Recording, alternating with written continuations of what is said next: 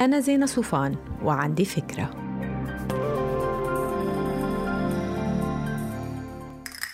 هاي.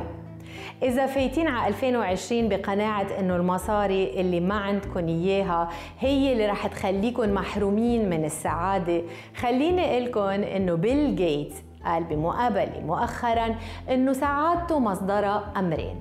أولا نجاح ولاده ثانيا احترامه للالتزامات اللي قطعها على نفسه ومنها ممارسة الرياضة والانتباه على الصحة. على فكرة ب 2010 كان في دراسة عن علاقة المال بالسعادة وبالفعل ثبت بهالدراسة أنه في علاقة أو كورليشن بين الأمرين لكن العلاقة انقطعت لما وصل الدخل ل 75 ألف دولار بالسنة. يعني الألف زيادة ما جابت سعادة زيادة.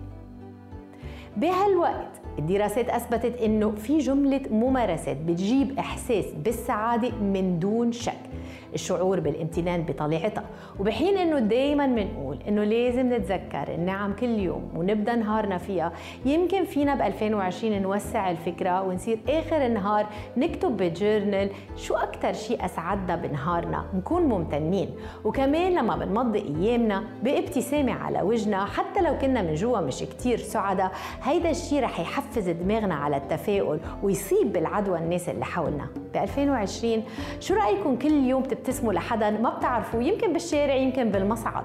وإذا كنتوا بتنقوا دايما حاولوا تخففوا هالعادة. حتى لو كنتوا بالفعل بتنقوا لأنه ظهركم عم يوجعكم مثلي مثلا. المشكلة إنه النق ما رح يخفف هيدا الوجع وإنما كل اللي رح يعمله هو إنه حيدمر مزاج اللي حولنا.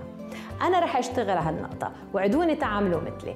آخر شيء تعوا ب 2020 نفتح قلوبنا وعقولنا على الآخر. تعوا نتحدى حالنا ونفتش على الأشياء الصغيرة اللي حوالينا. نغرق أكثر بتفاصيل القهوة بالكتاب بالمشي بالحديقة. تعوا نتأمل أكثر تعوا نحط ورود ببيوتنا وبقلوبنا أكثر ما تنسوا تعملوا download للفكرة؟ تعطوها rating وتساعدوني بنشرة.